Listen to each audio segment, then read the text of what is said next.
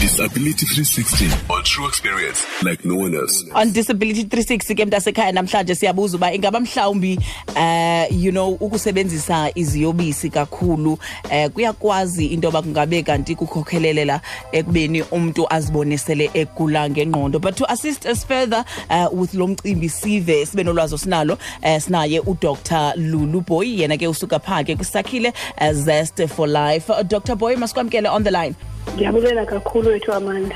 Enkosi kakhulu sithandwa sama. Eh, na- si- si- Sinqoqola ngeziyobisi namhlanje nentoba ingaba mhlambi eh, ziyakwazi intoba zibe kanti zikhokhelela ekubeni umuntu azibonesele egula ngengqondo. Ekokuqala nqa siqhela uva kuthiwe excess use of drugs. Eh xa sithetha ngeexcessive uh, use of drugs sithetha ngantoni? Eh okanye ukuqhubekeka okho. Uyaqhubekeka and kuzo akho nto yoba iphinde ithini. And ke ngoku i-problem le ufumana soba ingqondo iya iya iyabandakanyeka kakhulu. It is because i-feeling i-feeling it comes from the increase e- ebheke engqondweni. The chemical especially i-dopamine ufumana uba la pleasure yile ngoku ufumana uba umuntu uyaqhubekeka ukuthatha more and more and more and more. Eh into mandibaxelele yona abantu so that bazo-understanda most yazo zonke ii-drugs zine-problem engqondweni.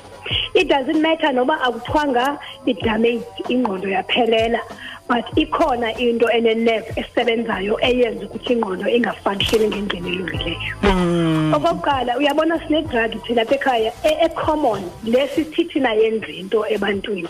But i-memory ine-memory loss ine-brain damage engummangaliso le siyithanda sisithi noba abantwana bethu bayayisebenzisa idarha. Idarha inayo loo nto. Iba sibheka kwi- kwizinto ezifana ne-cocaine.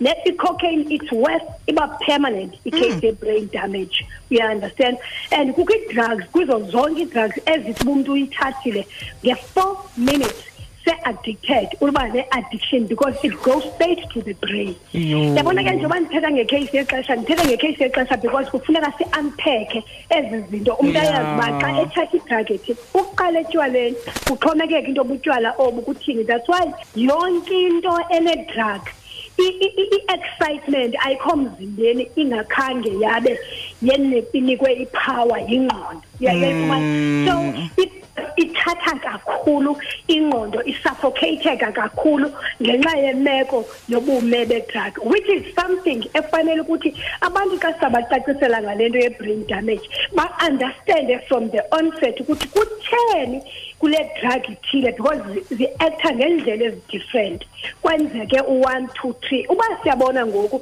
kuba- ku- ku- kubantu bethu uba uyazijonga kubantu abasebenzisa isiyobisi isiyobisi ke ngoku seyi-in thing because neyiguqulo yabangathi yinto Eh. yobufashionake uba uyayijonga imeko yento eziyobisi le nto ibangela uba wonke umzali makaphakame uphakanyiswa because ingqondo nethi ithinteke inike enye i-action emzimbeni uyaunderstand kodwa when ixesha sinalo kufuneka si- sithi bacacisele abantu zeziphi part ezithi zithinte ingqondo kuzokuphuma eyithini i-action Ewe. kwi-drug etheni na uya-understand Yes. Cha, into ebalulekileyo namhlanje because ngelishwa ndithethe nomntu kanti ndine-meeting ndicele u-five minutes plus Aha, yes. and ndim uspeak into ebalulekileyo ebantwini basekhaya ndicela okokuqala abantwana ndicela abantu xa kuthiwa kukho ii-workshops mabazi-athende ii-workshops okwesibini ndifuna abantu basekhaya ba-understand indaba ye-drugs. You don't need to lie. Noba u-educated noba umbi noba unamali noba ungumntu wecawe nontoni if umntana wakho usebenzisa iziyobisi come out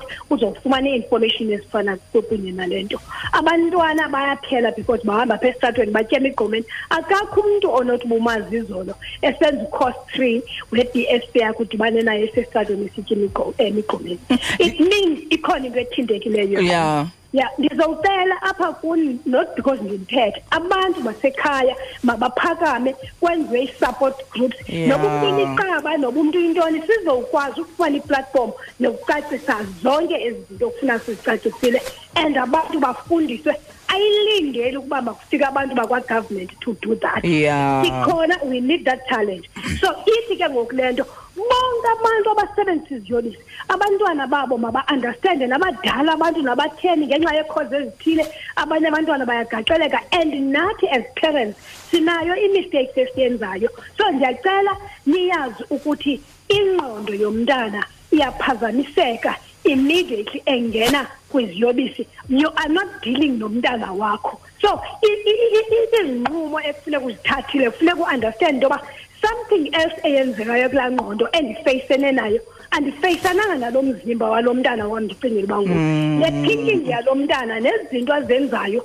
Ezinye still guilty sekusithi umbulela umntu xa engakhange wabubesesiyobisini ibonakalisa ukuthi ke ngoku isiyobisi sifika senze something. Isiyobisi ke sicontrola ukuthi umntana uzawutshintsha. Masiyeke into yezigulo? Yatshintsha umntana benetshiki zakathini angavasa enze yonke le vukusi. And ngoku abantwana bethu bazali ndifuna niphakame xa nifumana Yeah. letransforma u-true f m aninikele nto. Ni-understand uba abantwana bethu ngoku ixesha ayisililo elalethu lakuqala. And okwesibili umntana xa neproblem ye-drugs phakama ngoba izengqondweni uzawubona izombi endlini. And understanda indawo umntana wakho msakuzo ukuthi itreatment yalaa ndawo ihamba kanjani. Uyi-understand so that umntana xa ebuya angabuyi ithi kanti ubuyisa isidomi somntana esawufika apha sibe dingding ungayazi uba kwenzeka ntoni nangaso. And go back again. And abazali if there is a cause ebangela ukuthi ingqondo yomntana mayibe njena ngaphandle kwe-drug iyenza ukuthi makayokutya i-drug ingqondo yakhe ingazofunctiona right. Yes. Deal with the cause. Uba nguwe girl unomntana uvisisani notata womntana wakho qhawula laa ndawo yongavisisani umntana bheke kutata wakhe Ay.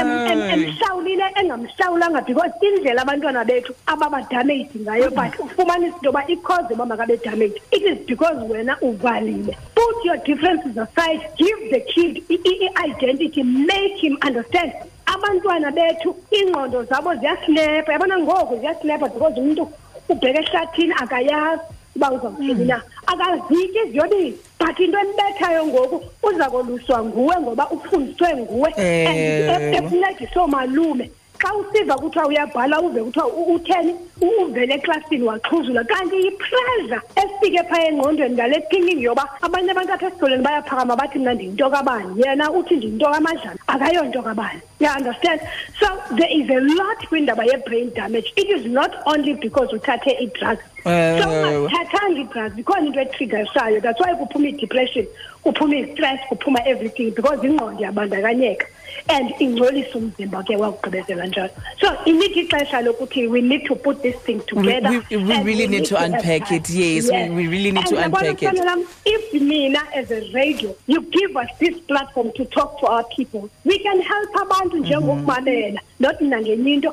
And if nine-functions eninazo zivuleleni iindawo zabantu bathalendeni abantu to come and talk about drugs and bavuleleni to educate abantu babo noba umntu angakwazi ubhala umntana otya iziyobisi ukhona endlini engakwazi ubhala the information that you are going to give ingqondo to show into yoba is a controller umntu ubuthe ngomnyaka wokufakwa kumkani uziya ndayibona inkosi noba angakwazi ubhala uyibambile mhm. because the brain is working there. Yeah. so if umntu uthe kuye xa usithi umntana wakho xa sitya idrag ethile wena you're supposed to do this and that and that. And it is not time for us to throw itawel sithi sanele ngabantwana bethu because if i-economy yase-south africa sifunile right we don't have the leaders in our houses. We don't have the leaders kwi-community and we don't have the leaders in our country. It means if we don't fight this ngeengqondo eziqokeleleneyo we're all doomed. Ndiyacela uxolo bethuna next time xa ndingenayo sasazi wam endimthandayo ndicela undophulele. Ayi, ayi, ayi, ayi. nayo i will have time and then we'll take one drug at a time. Siyi-unpacke siyibonise ukuthi ingqondo phaa yenzakala kanjani. Ndivuyela into yoba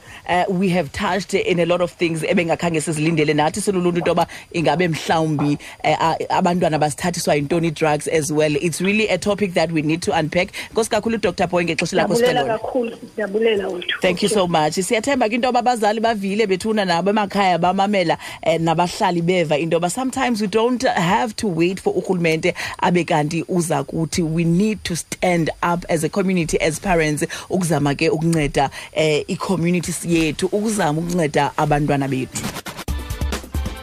Idisability 360 ubuyiphathelwe yitrue fm ibambisene ne-sabc foundation. For more disability content visit sabc disability 360 on facebook or follow at sabc disability on twitter